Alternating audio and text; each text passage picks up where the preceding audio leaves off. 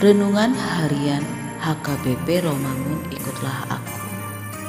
Minggu Advent kedua 10 Desember 2023 Dengan tema Menyambut Raja yang Adil dan Jaya. Bacaan epistel kita pada hari ini dari Wahyu pasal 19 ayat 6 sampai dengan 10 dan bacaan evangelium kita pada hari ini dari Zakaria pasal 9 ayat 9 sampai dengan 10 yang berbunyi Bersorak-soraklah dengan nyaring hai putri Sion. Bersorak-sorailah hai putri Yerusalem. Lihat rajamu datang kepadamu ia adil dan jaya. Ia lemah lembut dan mengendarai seekor keledai. Seekor keledai beban yang mudah. Ia akan melenyapkan kereta-kereta dari Efraim dan kuda-kuda dari Yerusalem. Gusur perang akan dilenyapkan dan ia akan memberitakan damai kepada bangsa-bangsa wilayah kekuasaannya akan terbentang dari laut sampai ke laut dan dari sungai Efrat sampai ke ujung bumi. Demikian firman Tuhan. Sahabat ikutlah aku yang dikasihi Tuhan Yesus.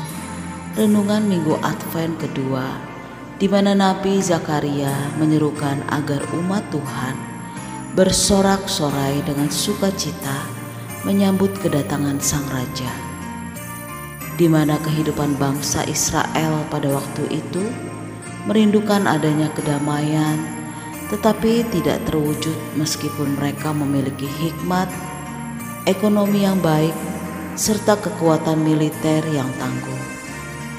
Namun, yang terjadi adalah peperangan. Oleh karena itu, bangsa Israel dipanggil untuk bersuka cita menyambut kedatangan raja dan membawa damai yang sejati. Nabi Zakaria melihat kehadiran damai itu mengalir dari sang raja yang adil dan jaya, lemah lembut serta sederhana.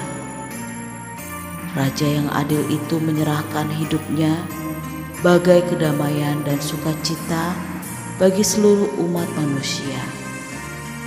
Raja yang datang ini bukanlah gambaran seorang pahlawan yang siap sedia berperang dengan kekerasan, tetapi dia lemah lembut, di mana Allah yang memberikan kemenangan baginya dalam menghadapi peperangan atas dosa dan maut yang menjadi buah dari dosa manusia. Raja yang baru itu datang bukan dengan kemegahan yang disertai kereta perang, melainkan dalam kesederhanaan mengendarai binatang yang paling tenang, yakni seorang keledai muda. Kesederhanaannya itu menjadi lambang perdamaian yang dibawanya bagi bangsa-bangsa di dunia.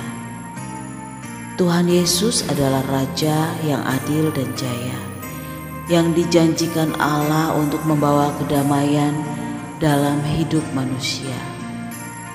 Kini, kita yang telah menerima keselamatan dan kedamaian itu, oleh karena itu kita ingin dipakai oleh Tuhan mengumandangkan dan melakukan kedamaian itu bagi semua orang.